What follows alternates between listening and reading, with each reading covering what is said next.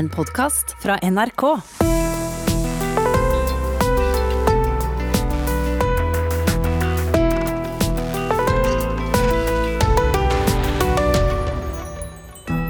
Om du sitter og stirrer på sjøen eller våkner opp i en ukjent leilighet. Om du har vært søvnløs hele natten av babygråt eller drømt opp de villeste orgier. Uansett hvor du er, så får du møte de jeg har hatt mest lyst til å være sammen med disse dagene. Mitt navn er Hilde Sandvik, som i dag har fått besøk av evolusjonspsykolog blant mye annet, Vibeke Ottesen. Velkommen, Vibeke. Takk skal du ha.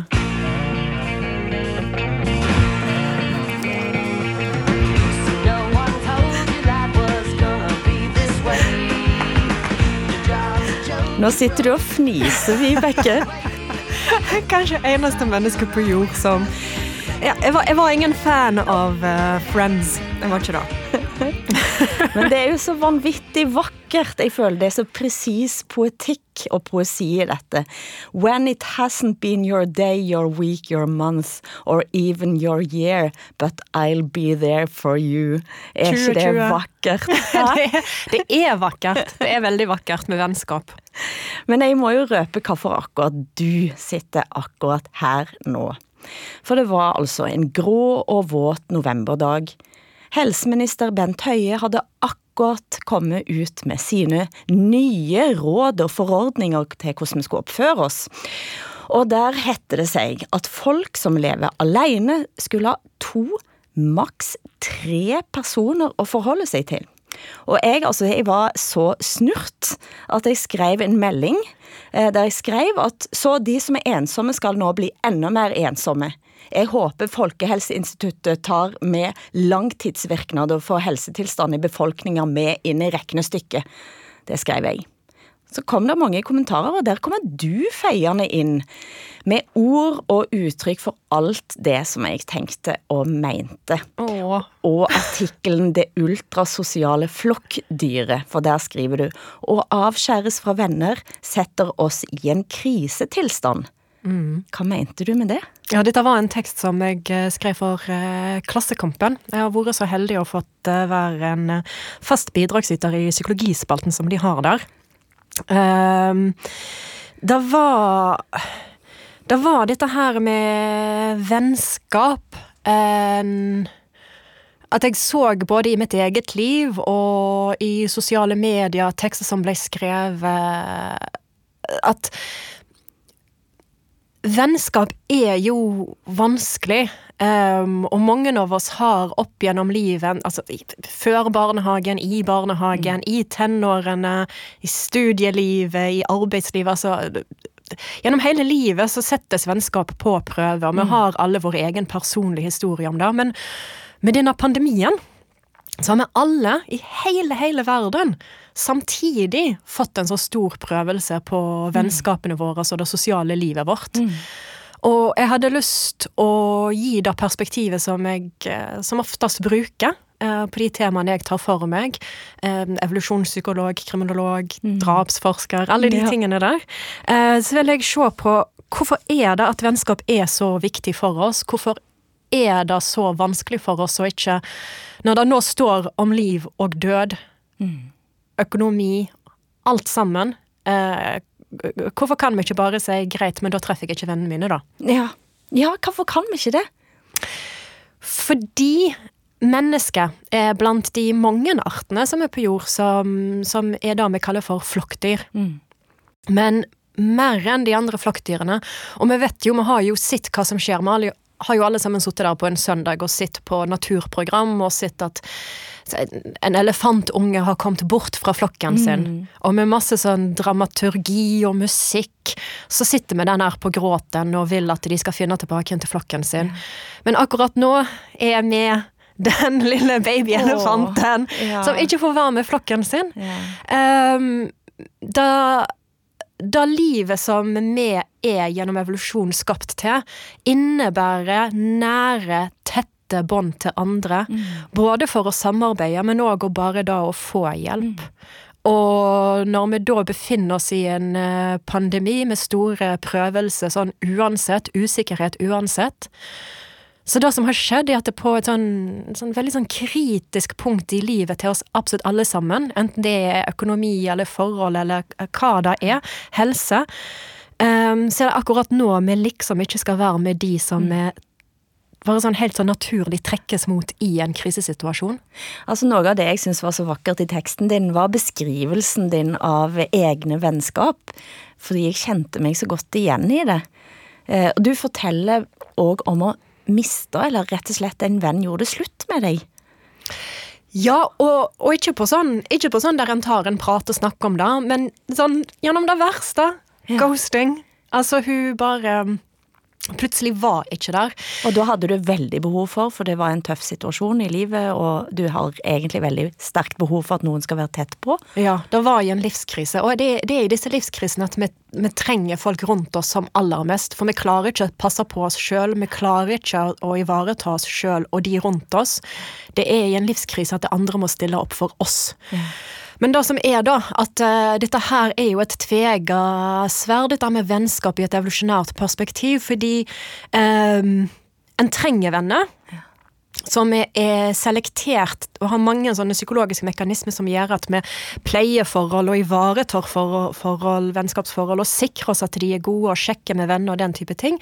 Men også at vi passer på at vi Uh, ikke blir utnytta, ikke blir mm. brukt for mye. Mm. Så jeg, som veldig mange andre Dette her er ingenting unikt ved min historie, men akkurat da jeg trengte venner som aller mest, så mista jeg uh, mista bekjente, men også bestevenninna mi. Mm. Men da er det er ikke noe jeg deler for at det, hun skal oppleve noe sånn skam, eller at uh, Jeg er ikke her for å liksom peke finger på henne og si mm. 'fy, så dårlig venn du er'. Fordi vi mennesker er også evolvert til å passe på at hvis venner krever for mye, mm. uh, så, så, skal vi trekke oss unna. Fordi mm, ja, vi skal gi i vennskap, mm. men ikke mer enn det det koster mm. oss. Uh, og, og hvis da det at jeg var i den situasjonen jeg var i, ble et signal for henne, eh, så, så er jo hun som del av menneskeheten mm. også da en del av en, en, art som er evolvert til å trekke seg unna. Mm. mm. Men heldigvis så var det, det jo andre. Det noen nye der. ja, nå var det jo jeg, hadde jo jeg hadde jo, jeg hadde jo veldig mange venner ja. og bekjente. Noen mm. trakk seg unna, noen ble stående, og noen kom nærmere. Og ei veldig god venninne, mm. Hun kom nærmere. Ja. Og hun er bestevenninna mi i dag. Ja. Og det er hun du drømmer om å gå på restaurant og eh, feire med? Ja, det, da, da er en av tingene vi gjør. Uh, vi pynter oss i kjole. Uh, og så går vi ut og spiser. Treretters, fireretters, femretters. Sånn type én gang i måneden. Uh, og du spurte meg jo hva er det første du skal gjøre når alle disse reglene blir oppheva. Og det første vi skal gjøre, er at vi skal pynte oss. Ta på kjole, sminke oss mm. og gå ut og feire og skåle. Mm. Det er en av de tingene som, som vi elsker å gjøre sammen. Men selvfølgelig, vennskap er jo så mye mer enn det.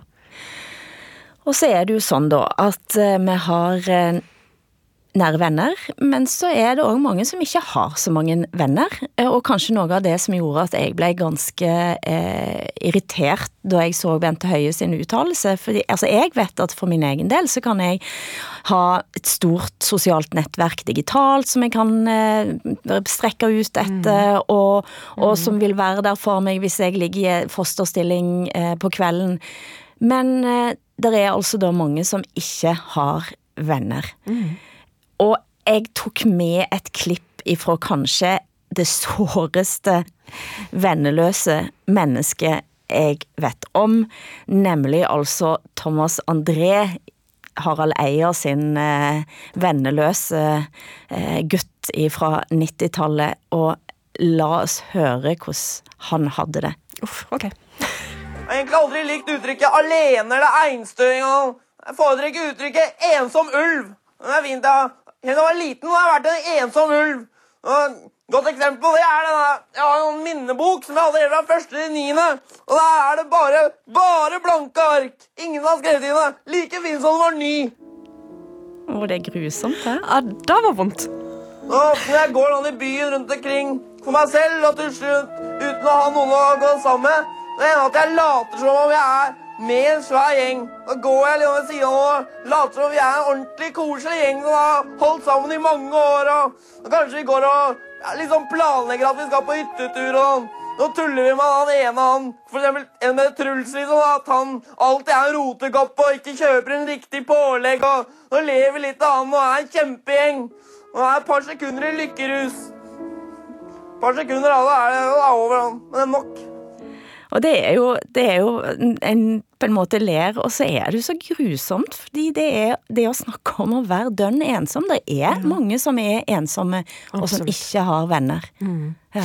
Og den serien i uh, Venner for livet-serien da, har kanskje også gitt folk uh, litt sånn uh, overromantisert Litt for høye ambisjoner for hvordan det sosiale livet er med alderen. Uh, den der tanken på at det der er en uh, vennegjeng uh, som, som, alltid er der med ulike personlighetstyper, akkurat det som ja. han snakker om her. Um, for sånn tror jeg det er vanskeligere og vanskeligere å være. Altså, når du reiser ut for å studere i 20-årene, så mister du jo vennene hjemmefra, og så får du nye. Men hvis du så bytter by, så får, mister du de vennene. Vanskelig å holde kontakt. Um, mange som starter kjernefamilien, mm. mister jo også venner. Mm. Men uh, det ligger altså i menneskets natur å trenge venner, både for å få sin egen kjernefamilie, men også opprettholde den kjernefamilien. Mm. Både menn og kvinner på hver sin side har vært eh, prisgitt eh, sine evner og sine venners evne til da å få kjernefamilien og å beholde den. Da å få mm. en partner, få barn med den partneren, så trenger du hjelp etterpå til å fostre dem. Mm. Både menn og kvinner. Kvinner var avhengig av eh, barnevakt. Eh, når, de er, når de har gått eh, gravide og ammer, så sanker de mindre. Så i jeger-sankersamfunn så ser vi at de er veldig avhengig av enten barnevakt, eller at det er kvinnene som er ute og sanker, deler med dem når de kommer hjem. Mm. Og det samme med mennene. Mennene som går på storviltjakt sammen, eh, går ut i stammekrig sammen, er helt avhengig av så tette, nære bånd til mm. andre menn at de kan stole på dem i den krisen som kan oppstå i en storviltjakt, eller den krisen som kan oppstå i en stammekrig. At, uh, at, de andre mennene ikke tenker at eh, nei, nå ble Truls for mye, så vi lar mm. Truls være igjen. Men de passer på Truls og tar Truls med seg. Um, og hvis de ikke får Truls med seg hjem, fordi mange menns liv gikk jo tapt i store viltjakt og stammekrigene, men når da de andre mennene kom hjem, at de tok i vare på uh, partnerne og barna til Truls. Mm. Uh, disse sterke, sterke båndene. Det er derfor vi er så opptatt av å, å pleie vennskap, mm. ha vennskap. Mm. Men, men hvis, hvis, en da ikke har det, for det, jeg så eh, helsebyråd i Oslo var før jul ute og sa at han er redd for hva som vil komme av en ensomhetspandemi etter i kjølvannet av korona ensomhet, som denne Thomas André er jo dønn ensom. Han inviterer på fest, og det er ingen som kommer. Og så prøver han å trekke seg opp igjen etter Heise seg opp igjen og, og, og liksom stå på og, og mm. prøve å være en del av samfunnet. Og det er jo realiteten for veldig, veldig mange. Ja. Og det som gjør det kanskje sterkt eh, med, med, at Robert Steen går ut, er at han har vært veldig åpen om at han hadde en sønn som han trodde var ensom, mm. som satt nede i kjelleren og var, eh, var født med han begynte å utvikle mus muskelsykdommer når han var bare fire år, eh, og satt i rullestol på slutten av sitt liv, og satt nede i kjelleren, og faren trodde han var alene. Mm.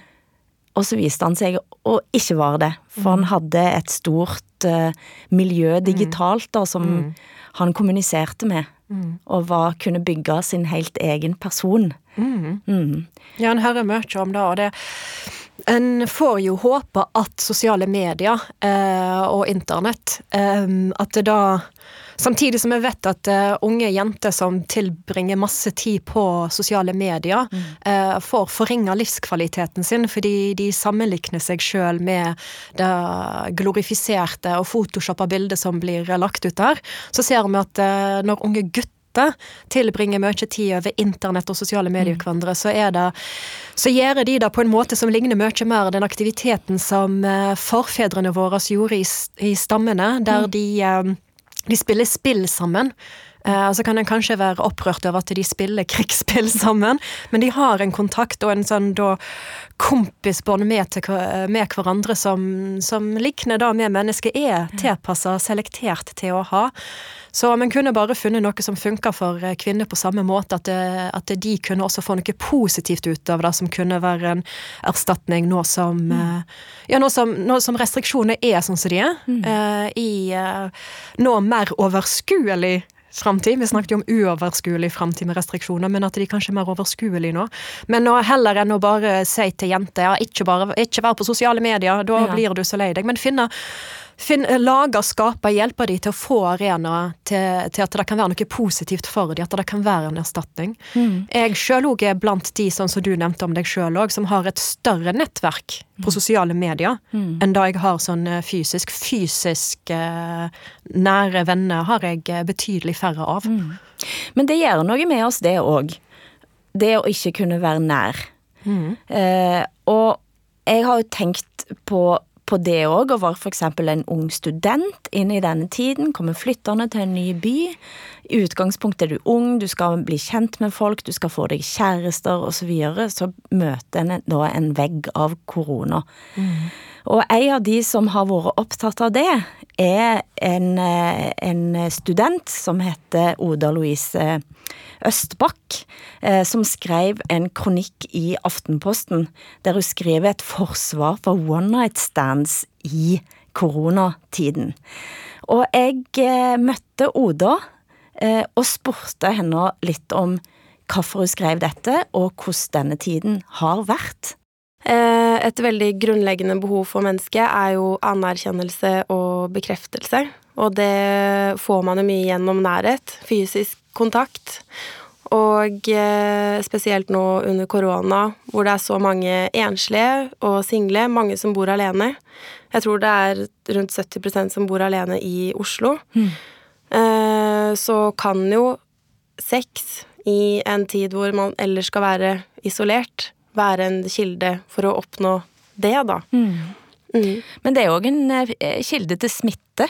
Ja, det er det. Hvordan har du hatt det nå i denne tiden? I forhold til eh, sex. Og generelt? Ja, generelt. Eh, I starten var det mye alenetid. Følte meg ganske ensom.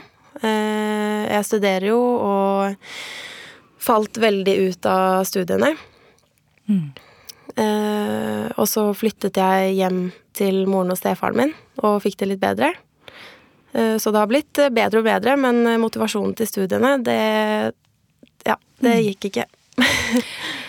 Henger du det òg sammen med den mangelen på nærhet som en hadde mulighet til å ha? Ja, jeg tror det henger sammen med det og det å være sosial. Mm. I hvert fall med meg selv så merker jeg at ved å være så lite sosial og ha fysisk kontakt med andre mennesker, så mister jeg litt bakkekontakt og føler meg litt virkelighetsfjern. Uh, så jeg tror det er viktig for å på en måte ja, føle seg til stede, hvis man kan si det på den måten. Du sitter, når du snakker om dette, så stryker du på dine egne armer. Og, Ja, ja. Det, er jo et, det er jo noe kanskje vi har gjort mer av i denne tiden. I Ja. Iallfall fall folk som lever alene. Ja, ja, ja. Jeg har eh, i hvert fall snakket veldig mye til meg selv, og sikkert uh, stryke meg selv mer på armen også. Stått lenger under dusjen, sa ei venninne av meg som bor alene. Ja, For å nesten kjenne at en har en hud. ja. Ja. Overrasker det deg at eh, det behovet var så sterkt? Eh, nei, fordi jeg har vært ganske klar over det fra før. Men så har jeg vært litt overrasket over eh, hvor lite folk er klar over det. Sånn det har kommet frem i, under korona, da. Har du en kjæreste nå? Treffer du folk? Er du Jeg har ikke kjæreste, men jeg har en som jeg møter eh, fast. Ja. Ja, og får dekt mine behov. Ja. Og det er det som skal til? Ja, vi er venner også, Ja. så det er veldig fint. Du satt og nikka litt her, Vibeke. Ja, fordi da hun beskriver at hun ikke klarte for, Fordi hun blir at, at, at, hun ikke har sosial kontakt og fysisk kontakt med andre, gjør at hun ikke klarer å gjøre studiene. Det er ikke sånn at uh, med de sosiale restriksjonene så fikk vi nå et hav av tid som vi kunne nødvendigvis bruke så innmari produktivt. Mm. Uh, det var mange som klarte det, men det var også mange som fordi, sånn som jeg skriver mer om i den teksten hadde i Klassekampen, det ultrasosiale flokkdyret, så er det fordi vennskap var så viktig for å få eh, sin egen kjernefamilie og opprettholde den, kunne fostre sine barn. Eh, fordi det var så viktig. Da, når individet opplever å bli avskjært fra sosial kontakt, mm. som også for et sosialt dyr innebærer fysisk kontakt, uh, så går du i en krisesituasjon. Og da påvirker jo konsentrasjonsevnen din. da det påvirker livskvaliteten din. Folk snakker om symptomer på nå, nå, skal jeg ikke si at de har klinisk diagnosen på det, men at de har symptom på angst og depresjon. Mm. Og dette er noe som vi visste i forkant nødvendigvis ville ramme eh, unge mennesker. Både ungdom og også de i tidlig 20-årene. Fordi da er den mest sosiale perioden av livet vårt, eh, der vi skal finne posisjonen vår i stammen vår. Eh, hvem vi er med i mm. stammen, hva posisjon har vi, hva muligheter har vi, eh, hvilke evner vi har, hvilke partnere kan vi få. Alt det som skal til for og videreføre genene våre. Mm. Og midt i det som skal være da den mest sosiale tiden av livet ditt, så skal du nå sitte hjemme, og så skal du allikevel klare å lese pensumbøkene dine, du skal allikevel mm. kunne klare å levere en semesteroppgave og bestå eksamen. Mm. Eh, det, er, det er både usannsynlig at det skulle gå bra eh, eh, med de som fulgte rådet, og også usannsynlig at vi kom til å følge mm. dette rådet Altså, for det var jo ikke sånn at det var ulovlig. Det var ikke ulovlig å trekke fra folk. Eh, myndigheten har gitt oss råd, men det er fra et evolusjonspsykologisk perspektiv mm. et umenneskelig råd. veldig usympatisk. Og når Høie kom ut i november, så var det snakk om eh, snakk om at, at, folk som bodde alene, skulle begrense seg, heller enn et fokus på hva kan vi gjøre mm. for de som har det sånn. Så det var sånn Det var avgrensende heller enn å mer sånn ha en, sånn, uh, ha en sånn helseperspektiv på hvordan skal vi hjelpe folk å forbedre ting for dem. Oda har en, eh, en Insta-profil som heter Vulva-Oda. Eh, der hun utforsker både seksualitet og spørsmål rundt helse, eh, og er opptatt av nettopp dette. Og hun understreker selvfølgelig at eh, hennes tekst, en forsvar for One Night Stand, selvfølgelig heller ikke var å gi blaffen i smittevern, mm. eller hun oppfører seg, som jeg forstår det, veldig forsiktig, men i det kommentarfeltet under hennes tekst, så får hun altså så hatten passe ifra folk som er ganske rasende. For på en eller annen måte så er det tilsynelatende provoserende, det hun sier. Hva tenker du om det? Jeg har ikke lest teksten hennes eller kommentarene, men um, um, det er, jo, uh, det er jo bare nok et eksempel på den der evaluerte psykologien som et ultrasosialt flokkdyr har. At vi, vi mennesker reagerer når folk ikke følger regler som som, som, som, skal beskytte individet i gruppen. Mm. Eh, økt Altså, smittespredning er jo livsfarlig mm. for mm. mange, mm. men, eh, men det blir ekstra vanskelig når eh, vi er Altså, evolusjon har gjort det sånn at enkeltindivider enkeltindividet har lyst til å unngå å, å bli smitta sjøl, mm. men vi er ikke like opptatt av om vi kan smitte andre. Eh, da er evolusjon sin skyld. Og, og, når du da igjen du har disse unge menneskene som evolusjon har forma sånn at de skal være kontaktsøkende, eh, og samtidig da reagerer veldig kraftig på å ikke få lov til å gjøre det. Mm. eh, og samtidig så er de ikke selektert til å passe på andre enn seg sjøl. Det kan jo fremstå for eh, voksne mennesker som har sikra seg sin kjernefamilie, så kan mm. det jo fremstå som eh, svært usympatisk og egoistisk, men eh, Hvis du har sikra deg det viktigste for revolusjonen, kjernefamilien, mm. som mange av disse i myndighetene, de, de som har gitt rådet mm. om at det enslige må holde seg for seg sjøl, eh, de, de, har jo sine partnere, de har sine barn. Ja. Eh, de vet ikke hvordan det er å, å stå på terskelen til å få til det, mm. men så bli nekta. Det er rett og slett for et evolusjonspsykologisk altså, er det sånn altså, nå, ja, altså, Hun sier jo at hun har eh, nå en venn eh, som, eller en, som, som hun har sex med når hun trenger det. Er det altså så nødvendig for oss å ha sex? Nå spør du en evolusjonspsykolog. Evolusjon er jo videreføring av gener. Mm. Og det er vanskelig å få ført de genene videre på en annen måte enn sex. Mm. Det er det. Så det ligger den, det behovet vi har i oss, eh, er, det ligger i det ligger der, ja. Bokstavelig talt i ryggmargen. Ja. ja, eller kjønnsorganene og hjernen. Ja. Men det ligger der, ja. Og det er ikke sånn at, eh, at eh, med en poetisk tale fra høye, så tar en ikke å føle på det lenger. Mm. Har en ikke sikra seg den kjernefamilien, eh, så er det en helt desperat situasjon å være i nå. Og da, i 20-årene, 30-årene, 40-årene eh, Det er en krise for alle de som befinner seg der. Eh, og da må en ta på alvor, heller, heller, enn å bruke ukvemsord i en, mm. En, kommentarfelt på et mm. innlegg som en 23 år gammel ung jente har skrevet. Mm. Nei, for jeg spurte òg Oda hva konsekvenser hun tror at uh, denne perioden kan få for henne og hennes generasjon. Jeg tenker at eh, spesielt de som er mye alene, at det er skummelt med tanke på de langvarige konsekvensene eh, denne situasjonen kan ha, da, eller føre med seg. Jeg ser rundt meg at eh, folk sliter, og det er jo spesielt de som da er mye alene. Mm. Og hva gjør de? Eh, jeg tror mange føler seg veldig tunge og nedstemt, eh, og eh, lite motiverte generelt, egentlig. Mm. Mm. Hva råd vil du gi til Oda?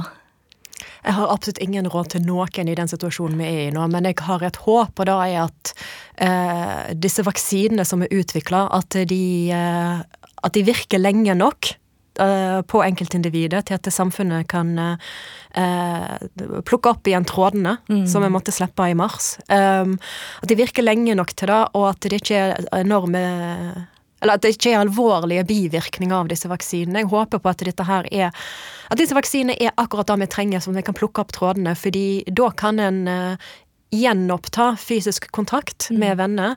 Uh, dating. Um, den sexen en måtte mm. ønske å klare å få til å få. Um, og, og med da med at det sosiale livet kommer tilbake igjen, så skal det ikke være noen grunn til å tro at individet holder seg fast i en krisesituasjon.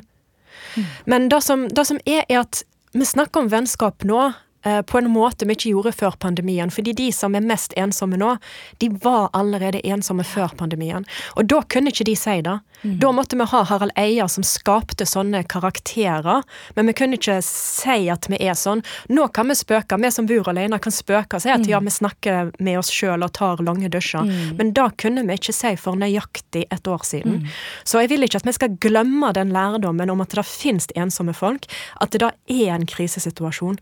Uh, Um, alle vennskap er satt på en prøve nå. Mm. Noen vennskap har ikke holdt seg, og noen opplever for første gang at vennskapen ikke holdt seg. At de trodde de hadde den vennegjengen som, eh, som, som er i, mm. uh, i Venner for livet, og oppdaget i pandemien at vennene ikke var der, enten det var i sosiale medier eller, eller, eller sånn fysisk, eh, at de ikke hadde noen klemmevenner.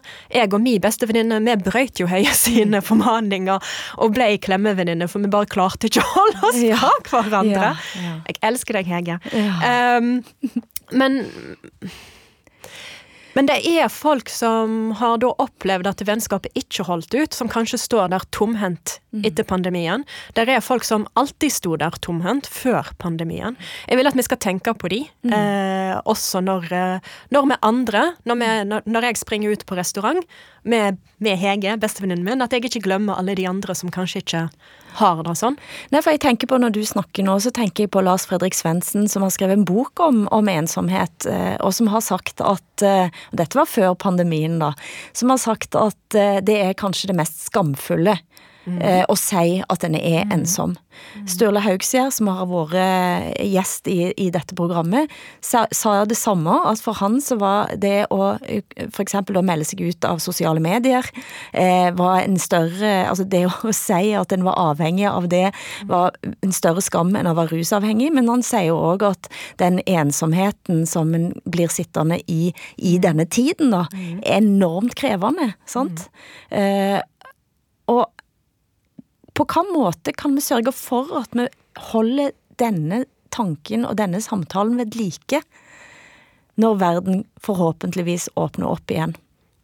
Da er at eh, de gir deg nok en podkastserie, og så inviterer du meg eh, tilbake igjen, og så snakker vi videre om det. Eh, individet må bare ta et ansvar, Ja. altså. Og helsemyndigheter, de fikk jo litt sånn eh, klaps på hånden når de gikk ut og sa at ja, dere som bor alene, dere må passe på her. Eh, to ikke mer enn tre, liksom. De, det, det var jo en voldsom reaksjon på det. Ikke bare deg, men uh, det ble jo tatt opp i andre kanaler òg. Og, og disse myndighetene som hadde gitt disse rådene, ble jo veldig forfjamsa, for det var aldri deres mening å påføre uh, puritansk skam.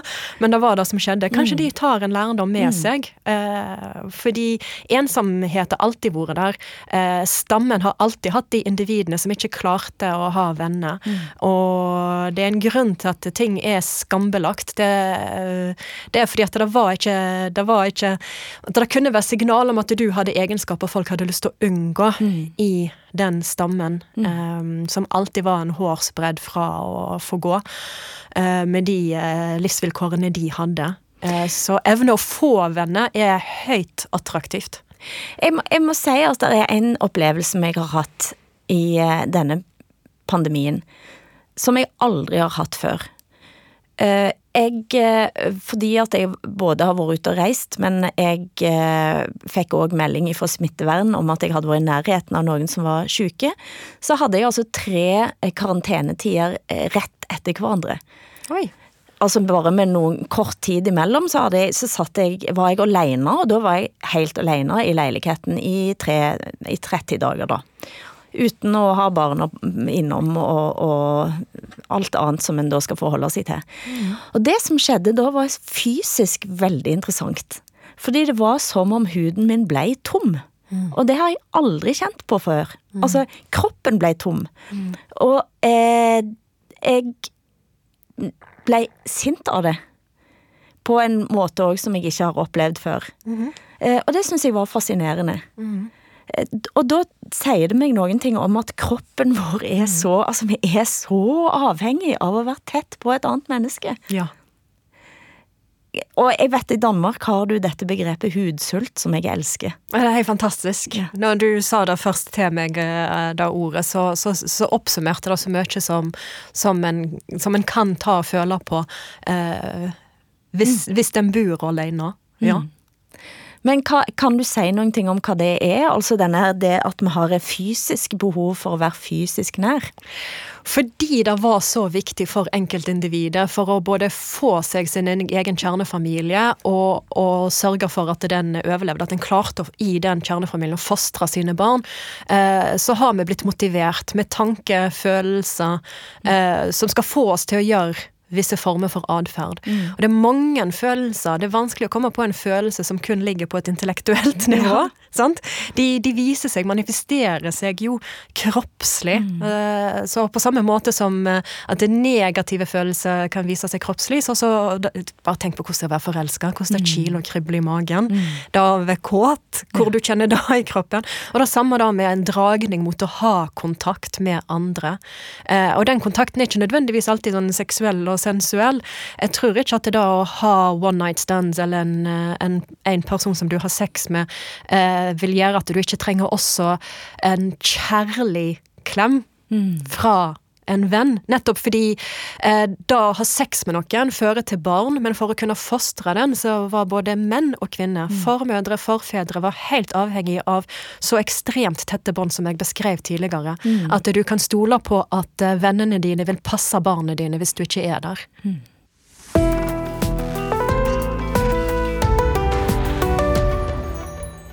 Du hører på Sammen med Sandvik, og jeg sitter her sammen med Vibeke Ottesen, evolusjonspsykolog, blant annet, blant veldig mye annet.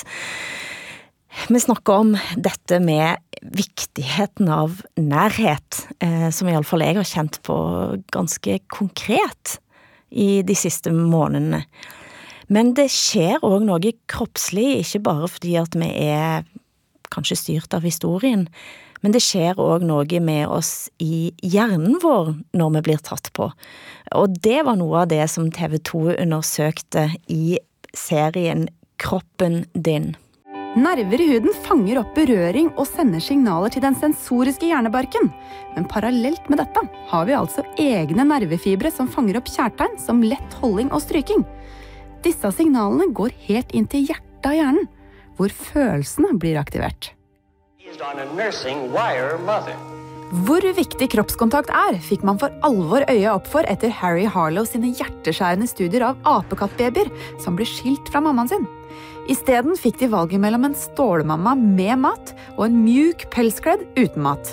Det skulle vise seg at apekattene mesteparten av tida klamra seg til pelsmammaen uten mat det er, ligger ganske djupt i oss, dette. Det fins vel undersøkelser som viser at du kan, altså et barn som blir født og ikke blir tatt på, mm. ikke kan leve opp. Mm.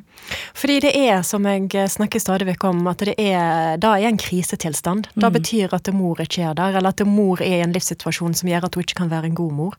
Så det evolusjonen har gjort, er å skape en biologi som skaper da tanker og følelser som så igjen skal motivere til atferd som vil videreføre genene mm. våre. Så dermed dette hormonet som heter oksytocin, mm. blir utløst ved fysisk kontakt. Mm. Eh, det utløses i spedbarnet, som blir eh, holdt og, og, passet på av mammaen sin, men også mammaen opplever eh, oksytocin ved det. Um, og det er derfor jeg tenker at det, Og det, dette er jo et hormon som også blir utløst eh, ved sex, men, det, men, men, men vi har behov for eh, ikke bare sexen, men mm. også eh, den bekreftelsen som ligger i en god klem fra ei venninne mm. eller en kompis. For i dette TV 2-programmet som jeg da så eh, for å forberede meg til dette, så sier den òg at det å være fysisk nær er smertedempning. Mm. At du rett og slett kan føle mindre smerte. Mm. Og det viser òg et klipp en, en baby som er født for tida og ligger tett på mammaens bryst. Mm. Og du bare ser at både hjerterytme og alt mm. stabiliseres ved et bitte lille menneske. Mm. Det er ganske skjørt, og det er ganske skjønt, og det er på en måte òg ganske grusomt. Mm, mm. For ja, det bare viser kreftene til evolusjon som har skapt oss på denne måten. Mm. Det er jo andre arter der, eh, der, foreldre ikke investerer i det nyfødte avkommet, eller ikke i den samme grad som oss mennesker. Men med en gang du har et sosialt dyr, og derfor gjorde jo Harlow disse eksperimentene med disse sjimpansebarna, var jo for at de er såpass like oss. Mm. Og en vil få gå mat for å få kjærlighet. Mm. Og da vil en forgå en pandemi ja. og meldinger fra Bent Høie. Ja. Da vil en. Men hva har du gjort da, helt konkret? Å, hva jeg har gjort? Um, vel, jeg hadde hjemmekontor, men jeg hadde jo ikke så mye fysisk kontakt med kollegaene mine. Uh, men, uh, men, det var jo alltid så godt sosialt samhold og samvær med uh, kollegaer som var rask på å ta og føle på at jeg ikke hadde fra hjemmekontor. Mm. Møtene vi hadde på Teams var ikke det samme. Um, en merka en evolusjonær begrensning i kommunikasjon over, over, Zoom i forhold til å sitte fysisk i samme rom, men, men, men jeg oppførte meg og gjorde det. Um, nå har jeg de fleste kontaktene mine er altså enten det er bekjente eller ekte venner, om vi skal skille mellom det, så har jeg jo uansett mest kontakt med de uh, over sosiale medier. Mm. Uh, har ei bestevenninne som bor i Oslo, men bestekompisen min han bor i Bergen, så vi har jo uansett kontakt over uh, sosiale medier. Sånn sett så var jeg kanskje mer forberedt på og robust på en pandemi enn de som har en større vennegjeng som de fysiske sammen med. Mm. Den overgangen var kanskje lettere for meg, men jeg òg tok og følte på at det, det, dette her går ikke. Jeg trenger å treffe bestevenninna mi sånn fysisk. Og vi var også veldig raske til å ikke holde to meter, ikke holde én meter, men å gi hverandre en klem. Og da rushet av å kunne holde Hege i armene mine um, Du, du begynner nesten å grine nå. Ja! det var stort! Ja. Um, og så har jeg vært blant de som har eh, gått på date. Mm. Nå får jeg kanskje politiet på døra når dette blir sendt, men jeg gjorde det. Jeg gikk på date. Jeg er singel. Ja. Ufrivillig singel. Da går du på date selv om det er en pandemi. Ja, for det jeg har tenkt på det. Hva skjer når Tinder tørker ut? Og når barene stenges? Uh, og en ikke har de andre rommene der en normalt eh, kan møte noen.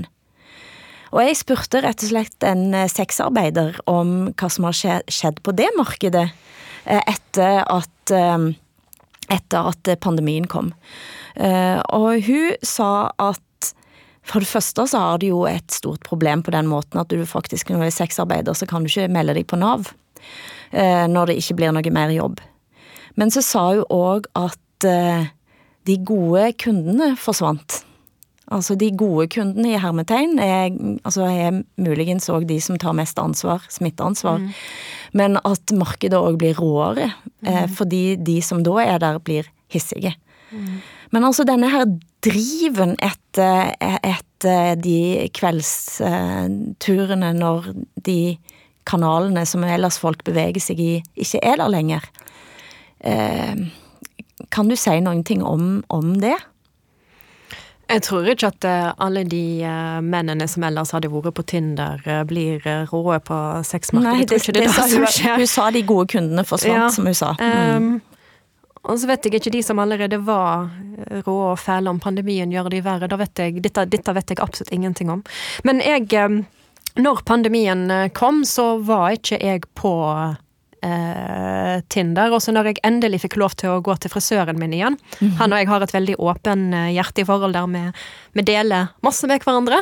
Eh, han sa at han hadde egentlig med alderen, sånn som vi alle gjør, opplevd at det blir vanskeligere og vanskeligere å få en match på Tinder. Men så, når pandemien kom, så sa han at folk tok jo helt av. Han hadde jo da vært på Tinder i de, de vekene der han ikke hadde fått lov til å jobbe som frisør.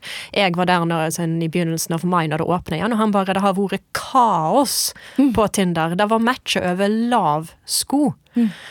Um, så var jeg hos frisøren min igjen senest i går. Og så sa jeg at jeg skulle her og snakke om dette her, og ville ha en sånn update. Hvordan er det nå? Nei, nå var vi tilbake på tørke. Ja. Så når pandemien først kom, så var det en sånn panikk. Eh, og han ønsker å matche med kvinner. Så da var kvinnene mye mer villige til å matche. Vi vet jo at kvinner er mye mer tilbakeholdne mm. med likes på Tinder enn det menn er. Menn liker alle, og så skriner de etterpå de har fått match. Kvinner skrines De skyter med hagler, rett og slett. ja, og så skriner de etterpå. Eh, mens kvinnene skriner først, og dermed så får Altså Hvis en kvinne først har lika en fyr, så får hun antageligvis en match. Sånn er det ikke for menn. Men han merker nå at han fikk jo Altså, det raste inn med match. At kvinnene var mye mer villige enn det de vanligvis var. Dette er en veldig kjekk, eh, kjekk mann. Frisør, så han kan hjelpe når som helst. Um, så jeg skulle tro han var attraktiv, men det Du er var fin først på håret for øvrig. jeg, jeg er så glad i Vidar. Jeg, Vidar, jeg elsker deg. Eh, men um, og, og tusen takk, men altså, det er han du skal Ja, gi komplimentene til. Ja. Jeg bare betaler, jeg. Ja. Men, eh, men nå har det tørka igjen, så nå det, har kvinner gått tilbake til å være mer tilbakeholdne. Mm. Uh, dette er én manns historie, men eh, jeg tar han til banken. Jeg stoler på Vidar.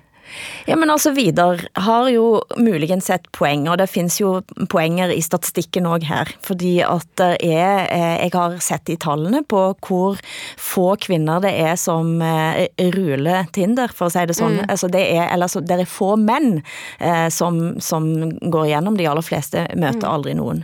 Og ut ifra den situasjonen der, så har jo dette begrepet incel kommet ut. Eh, altså ufrivillig sølibat. Eh, og eh, jeg syns det er interessant. Eh, fordi at uh, incels blir, ut, altså blir beskyldt for, for veldig mye, men, også for å skape etter hvert et dårlig kvinnesyn, for å ja, gå ut og kreve at de skal ha en eller annen seksual, altså seksualitet, mye sinne, osv. Hva tenker du om det? Og hva tenker du om denne gruppa som blir kalt for incels? Uh, ja, nå var jeg ikke helt forberedt på at vi skulle snakke om de i anledning vennskap. Men det er, jo, det er jo forlengelser hvis du trekker linja langt ut. Altså fra ensomhet så kan du komme langt ut i mm. incel-verden òg. Men sånn som jeg har forstått, uh, og dette er ikke noe jeg har studert noe særlig, men sånn som jeg har forstått, så etterspør ikke incel vennskap. Eh, jeg vet ikke i hva grad de etterspør langvarige forhold. Det jeg har fått med meg kritikk mot incel, og da er når medlemmer av incel eh, kommer med påstander som går på eh, sex. Mm. Sex og langtidsforhold er jo ikke, de, er, ikke to samme ting eh, sånn generelt mm. for, eh, for, for, for kjønnsgruppen menn.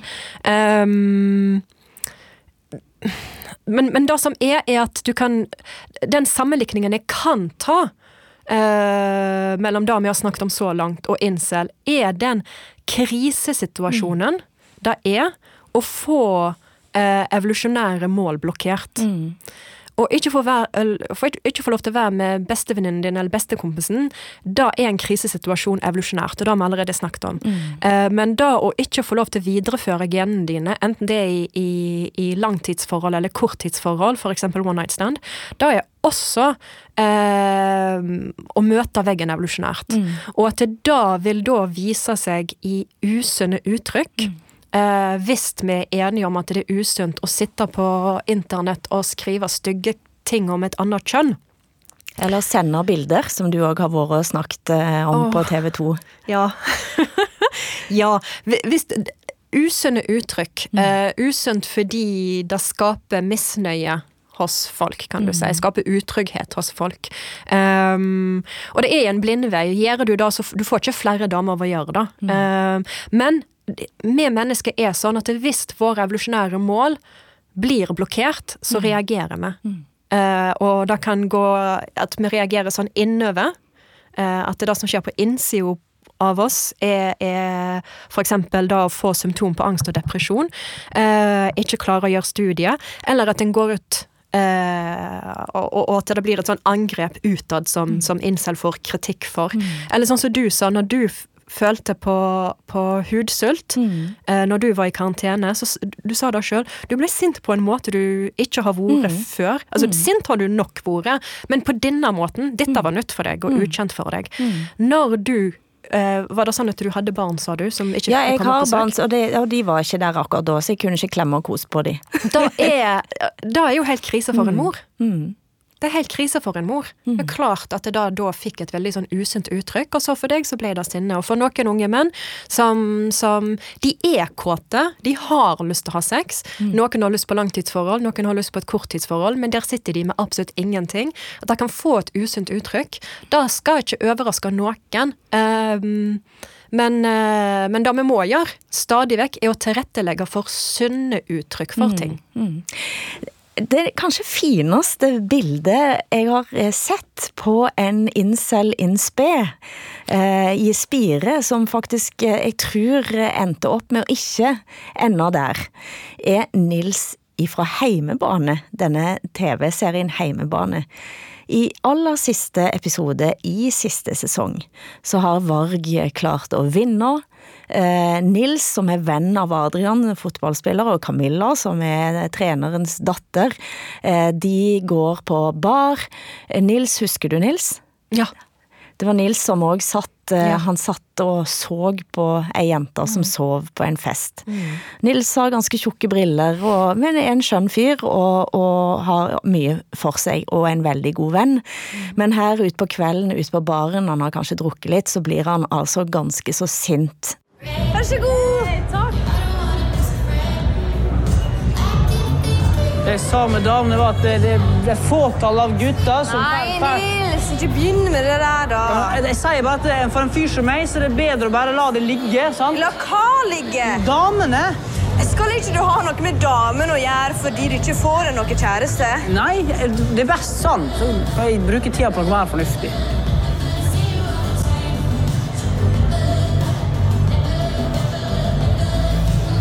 Det er ikke bra. De deg bare ensom og frustrert, og så blir du sur av det. Og så begynner du å skylde på alle andre, spesielt damer, for at du hadde drit. Og det er enda jo ikke noe bra plass, det. Dette her Dette er løsninga. Vi er her. Vi er ikke aleine.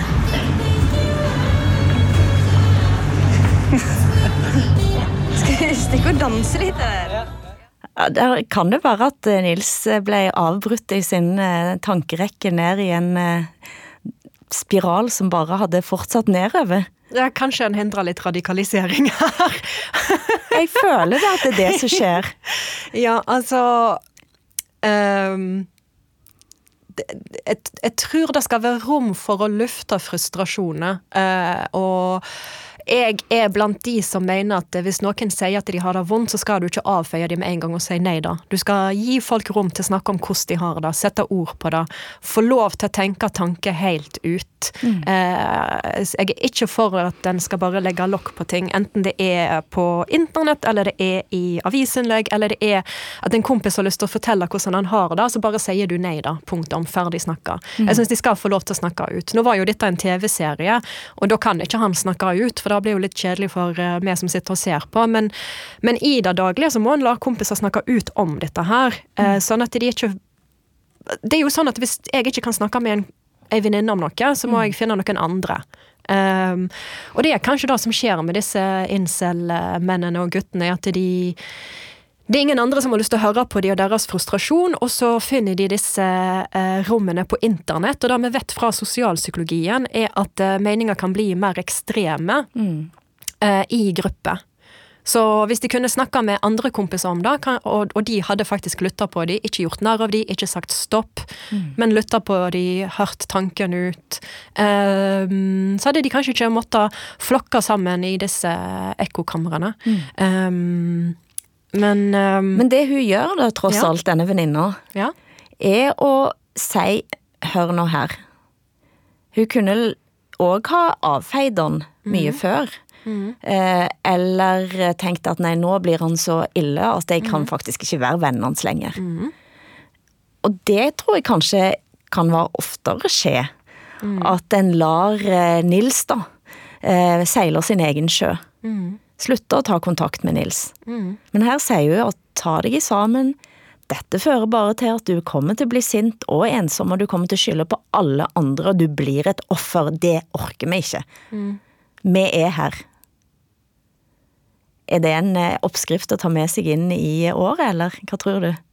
Ja, på alle måter. Eh, og det gjelder absolutt alle ting. Jeg er jo mye, sa du, og en av de tingene jeg er, er jo drapsforsker. Ja. Og har i alle år oppmuntra folk til å snakke med de mennene som går gjennom livskrise, enten det er ved samlivsbrudd, eller hvis de sliter økonomisk. For da er de to situasjonene som fører til enten det er partnerdrap, barnedrap eller familiedrap, som er når du dreper begge to. Og fortelle folk at du er der, men også at det da er sant. Eh, min tidligere bestevenninne skulle jo være der, og så var hun ikke der. Den andre var der på ekte. Og hva, hva gjør vi når vi skal være der på ekte? Hvis vi nå skal gi noen eh, gode bilder på vei inn i 2021 av de gode vennskapene etter korona, hva, hva skal vi gjøre? Ja, Etter korona, etter korona, for nå er jo alt så utrolig vanskelig. Eh, men etter korona så skal en møte opp fysisk. Eh, det skal ikke bare være bedagelig å sitte på sofaen. Vi skal orke den der eh, eh, den der milen det er fra, fra sofaen til trikken, sånn at vi faktisk går på besøk til hverandre. Og sånn i forebygging av eh, partnerdrap og barnedrap og familiedrap, der disse mennene går gjennom livskrise og kan bli suicidale, ehm, så har jeg alltid oppmuntra til bare sånn helt sånn konkret hjelp. Mm. min bestevenninne kom på døren med middag til meg. Ja. når du var langt nede. Så hun hadde lagt hjemme. Tenkt på noe du likte. Nei, jeg fikk det ungene fikk. så en gang så spiste jeg pizza med, med erter på. Pizza med erter på. Men det Men det ligger, hjalp. det ligger ganske mye kjærlighet i pizza med erter. Ja. Ja. Men hva gjør en med, med, altså med de som da har kanskje kommet så langt ned i løpet av denne perioden her, at de begynner til og med å oppføre seg på en måte som du tenker jeg orker ikke vedkommende lenger.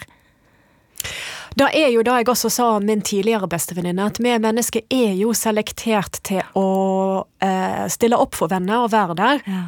Men ikke sånn at det koster oss for mye. Og det er jo da helt menneskelig. Men det jeg liker å tro, at hvis vi er klar over hva tendenser vi mennesker har, at vi har tendensen til å trekke oss unna de som trenger for mye, så er det folk som trengte for mye i steinalderen, folk som trengte for mye i en jeger-sanker-samfunn. Det er ikke sikkert at de trenger for mye fra deg med alle de ressursene du har til rådighet en dag i dag. Så ja, det er helt menneskelig å ta og føle på at å nei, dette krever for mye, jeg har lyst til å trekke meg unna. Men ta en runde med deg sjøl, er det faktisk sånn? Eller kan det være sånn at hvis du stiller opp for dine personer nå, så kommer de seg over kneiken, de kommer seg gjennom det, og de blir gode gamle igjen. Og kanskje enda nærmere enn en har vært noen gang. Absolutt, det skjedde med meg og, og Hege, enda nærmere enn noen gang. Og neste gang er det kanskje du som trenger de.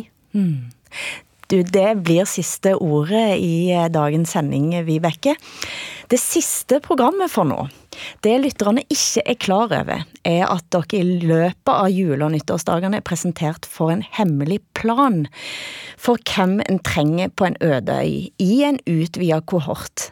Alt en trenger, rett og slett. Musikk og litteratur og film og kunst. Vi har til og med noen som kan sy bunaden vår, folk til å tegne husene våre, en advokat til å holde styr på og passe på rettighetene våre, ytringsfrihetsforkjemperen som går i krigen for oss, journalisten til å rapportere hjem.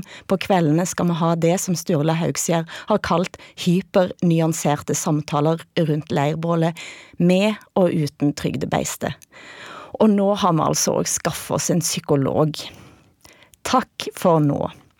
Må året bli en lang klem, og la oss gå ut med Trond-Viggo Torgersen og kroppen vår fra 1979. Huden er god å ta på, og når vi skal være snille mot hverandre, så bruker vi huden til å klappe og klemme hverandre med.